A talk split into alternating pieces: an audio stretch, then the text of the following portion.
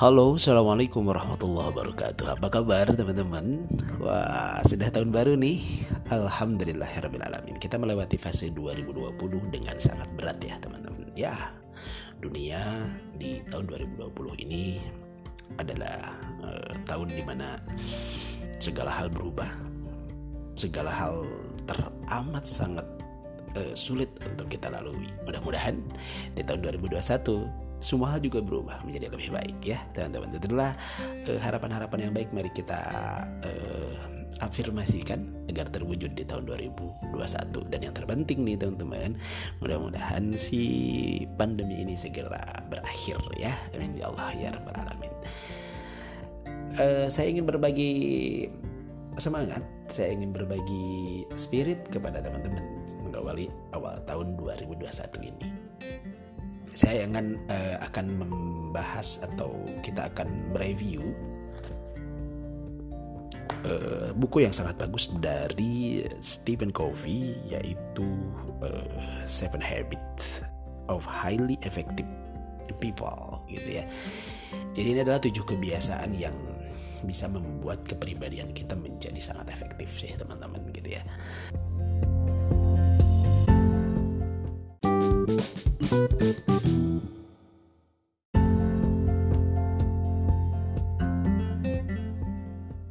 Ya, teman-teman, saya akan mulai dengan eh, jantung dari buku ini kalau menurut saya sih ya, gitu karena ini juga ternyata pembahasannya persis ada di tengah-tengah buku ini.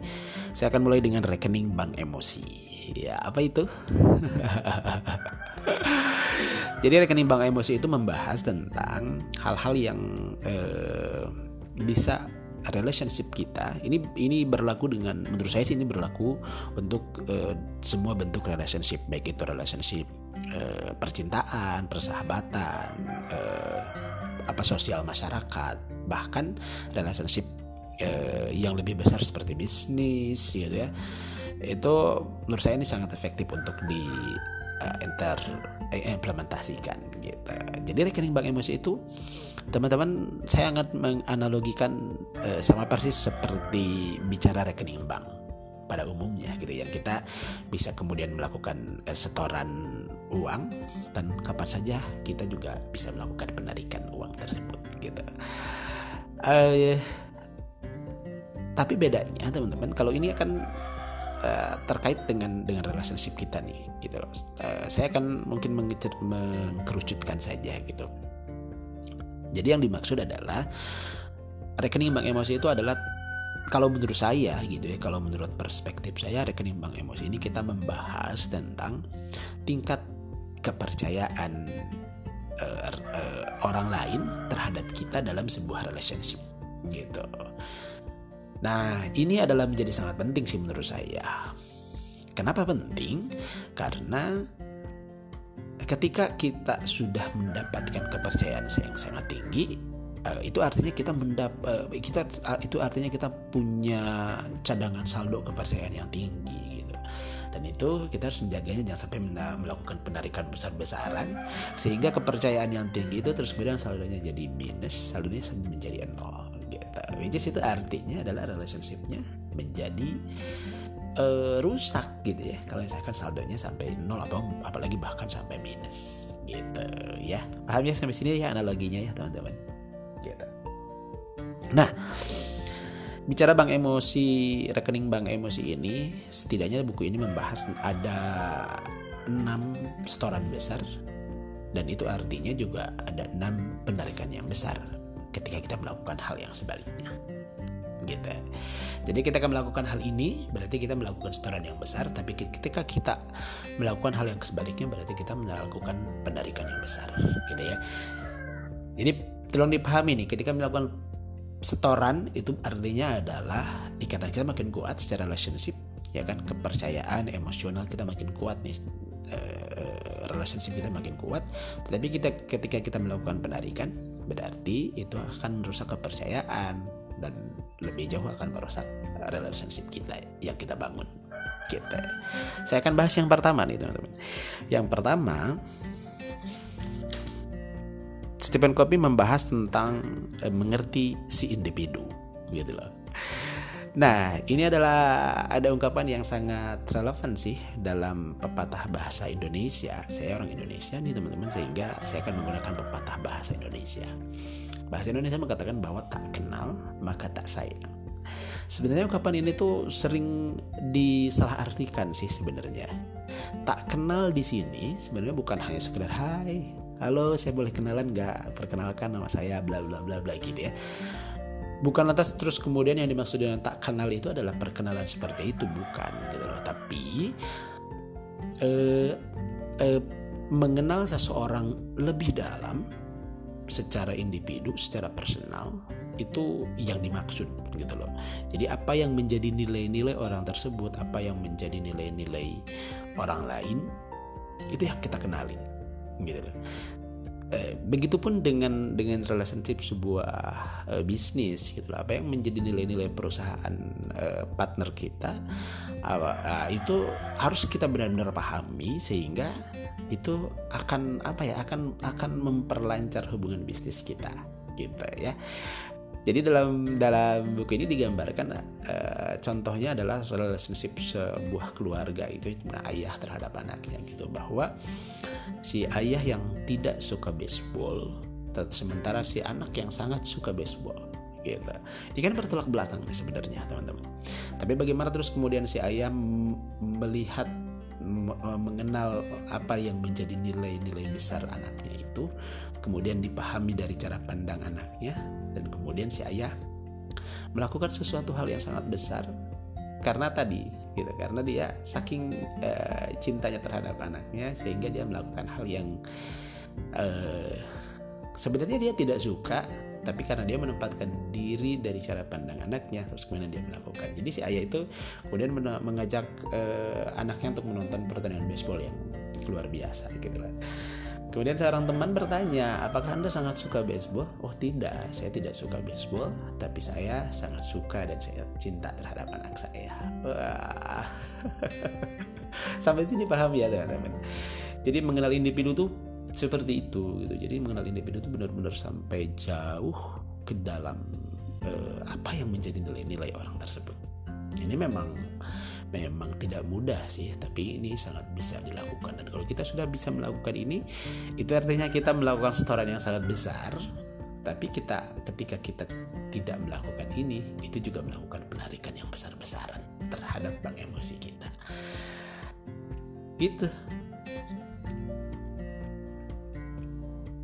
thank you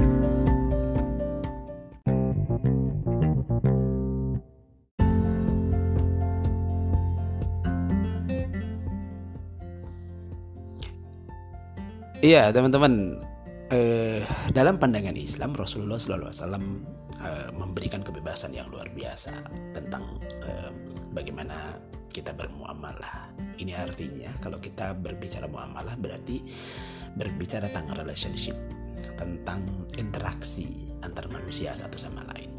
Ya kan dalam Al-Qur'an disebutkan bahwa kita diciptakan berbangsa-bangsa, bersuku-suku, ya kan berbeda-beda warna kulit dan lain sebagainya. Itu adalah untuk lita'arofu saling kenal kemudian saling sayang menyayangi satu sama lain.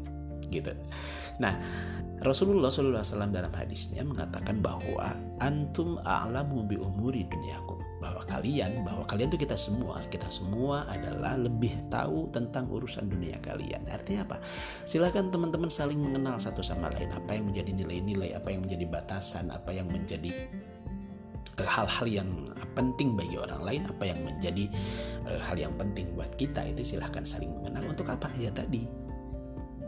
Agar kita bisa uh, membangun relationship yang bagus agar kita bisa mengenal batasan-batasan yang kita uh, bangun untuk memperkuat relationship tadi gitu loh. Sehingga apa? Sehingga kita semua bisa melakukan setoran terus menerus ke rekening bank emosi kita dan tidak pernah melakukan penarikan. Ya walaupun itu sebenarnya sih hampir tidak mungkin tapi which is paling tidak saldo saldo saldo bank emosi kita terus ditambah dan kita melakukan penarikannya sedikit-sedikit saja ya.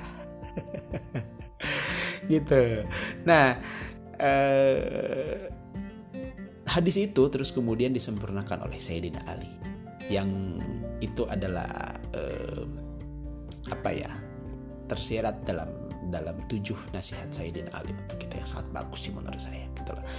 Ini adalah nasihat-nasihat yang luar biasa yang sebenarnya kita sering kali lupa gitu loh bahwa Sayyidina Ali radhiyallahu anhu mengatakan bahwa jangan kita ketika berinteraksi dengan orang lain jangan sekali-kali membicarakan harta kita di depan orang miskin.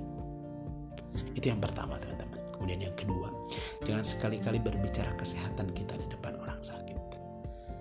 Yang ketiga, jangan sekali-kali kita berbicara tentang kebebasan kita di depan orang-orang yang terpenjara. Jangan sekali-kali berbicara kebahagiaan kita di depan orang-orang yang sedang bersedih. Jangan sekali-kali berbicara tentang anak di depan orang-orang jangan sekali berbicara tentang orang tua kita di depan para anak-anak yatim. Teman-teman ini adalah nasihat yang luar biasa dari Sayyidina Ali. Bagaimana Sayyidina Ali ingin mengajarkan kepada kita bahwa mengerti dan memahami individu itu adalah sangat penting untuk menjadikan relationship kita menjadi baik. Bagaimana kita mengerti dan memahami orang lain itu membuat kita mengerti batasan-batasan dalam melakukan interaksi satu sama lain. Yang paling penting adalah kita bisa saling menghargai, menghormati satu sama lain, dan itu adalah merupakan setoran di rekening emosi kita yang sangat luar biasa. Dan jika kita tidak melakukan itu atau melakukan hal yang sebaliknya, itu adalah kita sedang melakukan penarikan yang besar-besaran terhadap saldo rekening emosi kita. Dalam buku ini, di akhir buku ini, Stephen Covey e, mengatakan bahwa memberikan konklusi bahwa e, ini ini saya menggunakan bahasa yang e, bahasanya saya agar teman-teman juga bisa lebih pahami. Coba tempatkan diri kita seperti cara pandang orang lain itu yang pertama. Terus kemudian perlakukan orang lain sebagaimana kita ingin diperlakukan. Itu uh, itu artinya uh, tentu saja dengan nilai-nilai orang tersebut gitu loh. Dengan nilai-nilai kebaikan yang menjadi nilai-nilai kebaikan bagi orang tersebut. Dan yang terakhir ada pernyataan ada quote yang sangat bagus dari uh, buku ini. Di bagian yang ini adalah kita harus memperlakukan orang lain secara sama dengan memperlakukan orang lain secara berbeda-beda. Ya. Mudah-mudahan bermanfaat. Wallahu alam. Assalamualaikum warahmatullahi wabarakatuh